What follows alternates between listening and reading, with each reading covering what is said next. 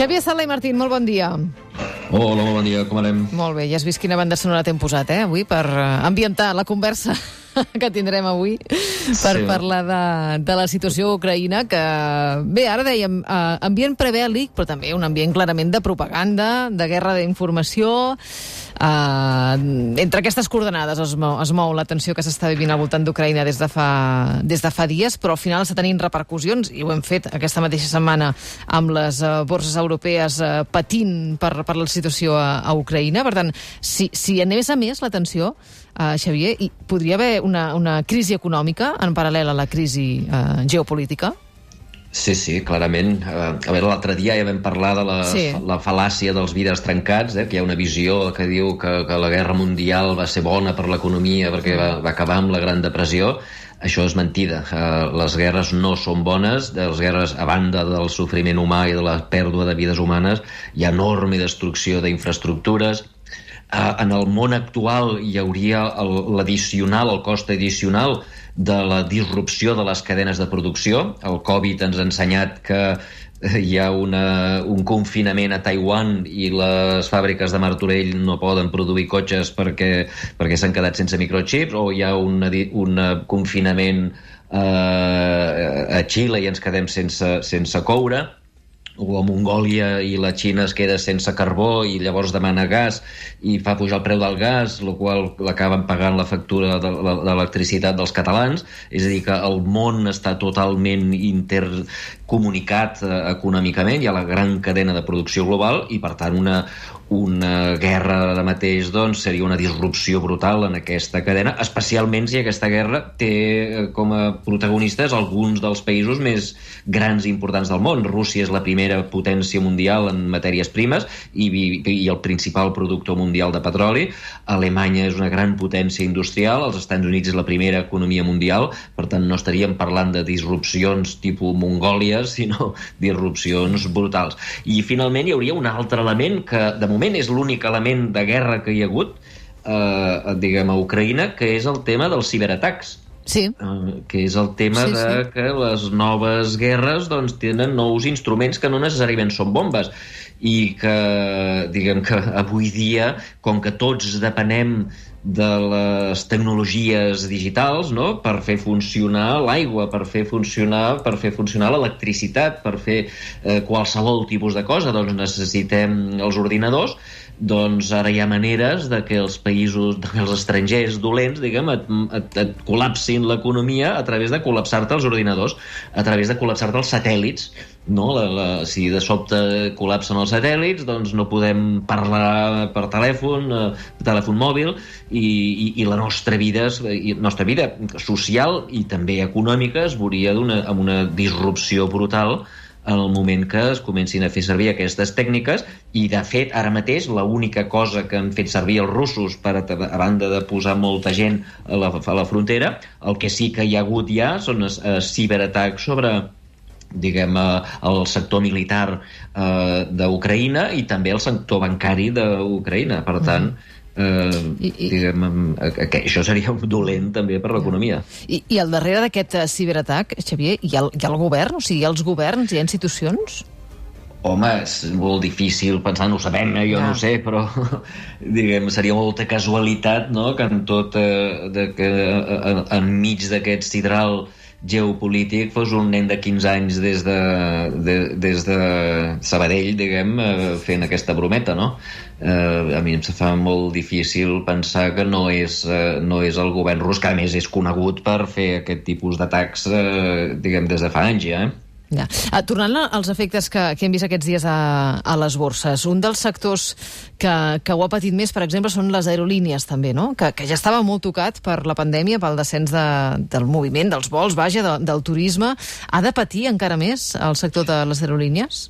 Bueno, si hi hagués una guerra, òbviament la, la gent tindria por a volar, de fet tindria por de fer de turista, i per tant no només patirien les aerolínies, sinó que patiria, seguiria patint el sector que més ha patit amb la pandèmia, que és el sector, el sector turístic, no?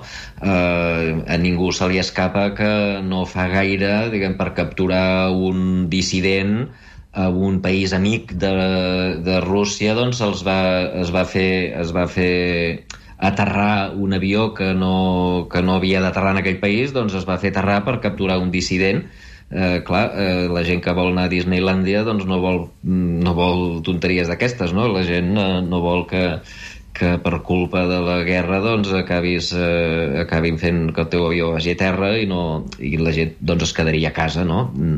Eh, seria, jo crec que el sector turístic seria eh, també un dels perjudicats, no? Ja hem dit que altres també, eh, la cadena de producció industrial sí, sí. i tot el tema informàtic, no? però el sector turístic, la por de, a viatjar es, es, es mantindria. Mm. Aquests dies també ha tornat a ser notícia eh, un concepte que ara feia temps que, que potser no sentíem tant a, en els informatius i els titulars, que és la prima de risc. En recordes exactament què, què és la prima de risc?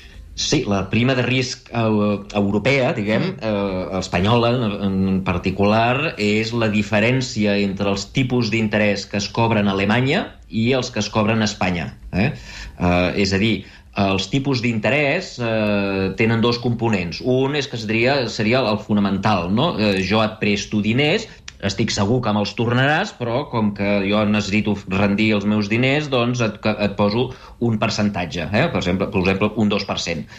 Molt bé. Uh, què passa? Que si jo sospito que tu no em tornaràs els diners, que hi ha una petita probabilitat de que tu no em tornis els diners, aleshores és arriscat prestar-te a tu. Clar, si jo li puc prestar als alemanys, que segur que m'ho tornaran, i ells em donen dos, doncs jo haig de cobrir-me la possibilitat de que tu no m'ho tornis i t'haig de cobrar més de dos, no? I això és el que s'anomena la prima de risc, el tipus d'interès que està associat al risc de que tu no paguis. Vale? Recordeu que abans de la crisi, eh, perdona, al mig de la crisi, mm. la crisi que va començar el 2008, i fins al 2012 cada dia estàvem tots mirant la prima sí, de risc sí, sí, perquè sí. Espanya tenia un gran risc. Espanya i tots els països de la perifèria, recorda que en aquella època dividíem Europa entre el centre i la perifèria, eh? i a la perifèria hi havia Grècia, hi havia Itàlia, hi havia Irlanda, hi havia Portugal, hi havia Espanya, eh? i aquests països doncs, tenien problemes econòmics i hi havia la possibilitat de que no tornessin els calés. De fet, Grècia mm, no va tornar als calés, no? Uh, I llavors, clar, quan hi ha aquesta possibilitat de que no tornis els calés, doncs el, la gent que presta calés al govern d'Espanya, la gent que compra bons, diguem, del govern espanyol, doncs li vol posar un tipus d'interès més alt pel que et deia abans, no? com que hi ha una possibilitat de que tu facis fallida com ha fet Grècia, escolta'm, jo t'haig de cobrar més que no pas a Alemanya. Vale? Però llavors recordeu que el 26 de juliol de l'any 2012 el governador del Banc Central Europeu aquell eh, italià que ara és primer ministre italià, que es deia Mario Draghi, uh mhm. -huh. va fer un dels discursos més famosos de la història del Banc Central Europeu, europeu aquell discurs que s'ha conegut amb el nom de Whatever It Takes, que deia Whatever It Takes, no? farem el que calgui, farem el que calgui per salvar l'euro. Uh, I això va voler dir, va indicar que de sobte el Banc Central Europeu, que recordeu que té una màquina per fer euros, agafar uns paperets blancs, els posa per la màquina i de sobte són bitllets de 50 euros, i, té, i pot fer els diners que vulgui, doncs diu, doncs ara farem servir aquesta màquina per comprar el deute d'aquests països que tenen problemes. De manera que és impossible que Espanya faci fallida, perquè nosaltres farem el que calgui, whatever it takes, perquè, per salvar Espanya. Estem d'acord? I llavors, clar, els inversors diuen oh, ara de sobte no hi ha risc de que Espanya faci fallida perquè tenen un tio que té una màquina que pot fer infinits diners i, i els hi comprarà el deute. I, per tant, rum, la prima de risc desapareix. Ja. Val? I hem estat en aquesta situació, la prima de risc va desaparèixer aquell dia, bàsicament, el 26 de juliol de 2012, i ha desaparegut fins ara. Què passa?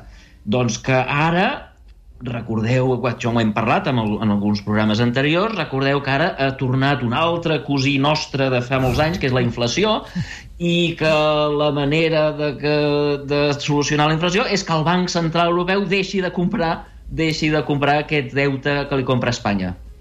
Eh? És a dir, per solucionar el problema de la inflació, el Banc Central Europeu haurà de deixar, tard o d'hora, de comprar deute espanyol. I clar, els inversors diuen, eps, si el Banc Central Europeu no compra deute espanyol, tornarem a tenir prima de risc.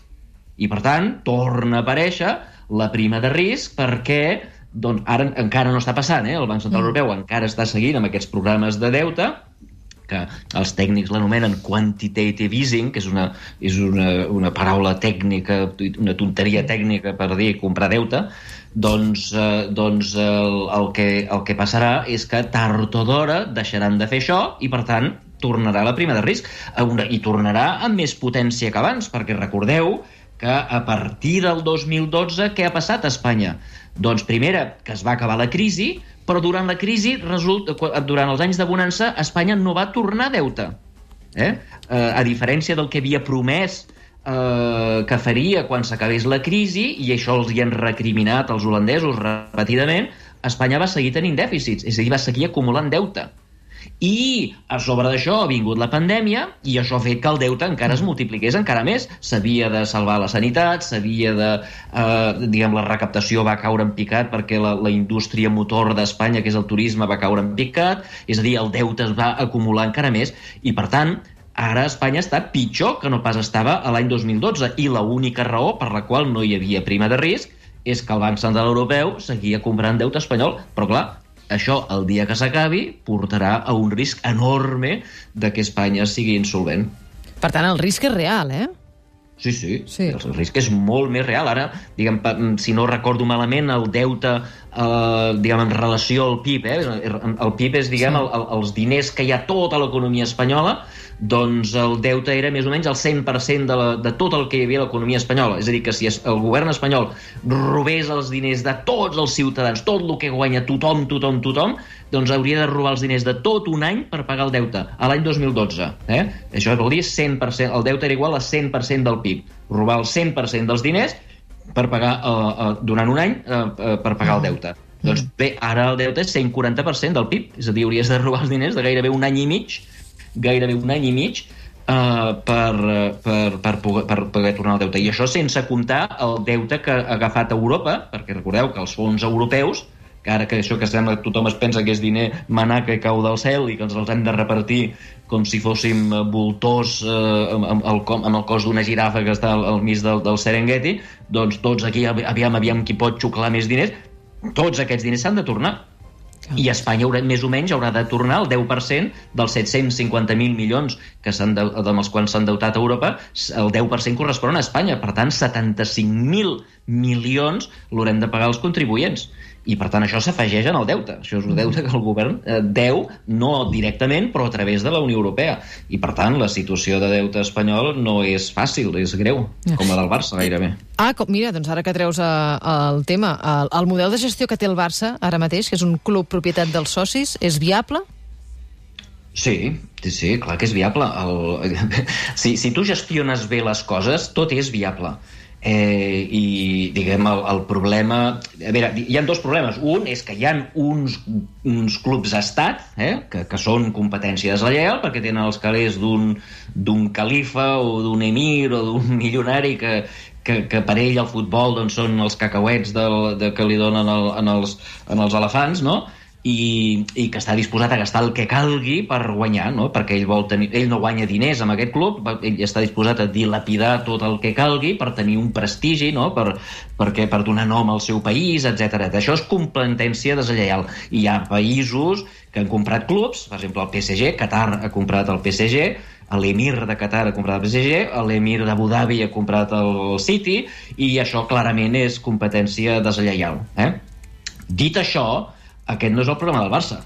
El problema del Barça és que arran dels 200 milions que va ingressar amb el Neymar, doncs es va començar a dilapidar, va una, una època de dilapidar calés a base de comprar jugadors que al, al final han sigut desastres, a base de pujar els, els salaris dels jugadors i fer contractes extravagants eh, a jugadors de 32, 33 anys i que, i que no es poden pagar i que, i que ara mateix això és un problema de deute brutal que l'haguessis tingut igual si, si fossis una societat anònima.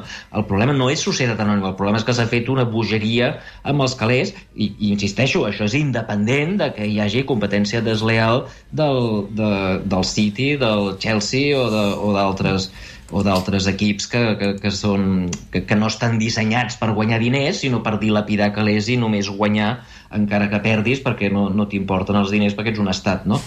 Um, fixa't, per exemple, la, la, la solució no seria el, el, una societat anònima. Fixa't, per exemple, equips, per mencionar dos grans equips que van aconseguir una glòria similar a la del Barça no fa gaire, el Milan i el United. Sí. Vale?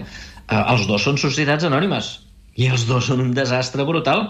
Mm. Són un desastre brutal. Tenen plantilles caríssimes, són plantilles que no guanyen res, eh, diguem, no, no, no, han perdut la glòria que van tenir no fa gaire perquè ho han gestionat malament. I si vols podem comparar el, el Manchester United amb el Manchester City. Eh? Uh, és veritat que un és un, un, un club estat i l'altre és propietat d'accionistes principalment nord-americans, eh?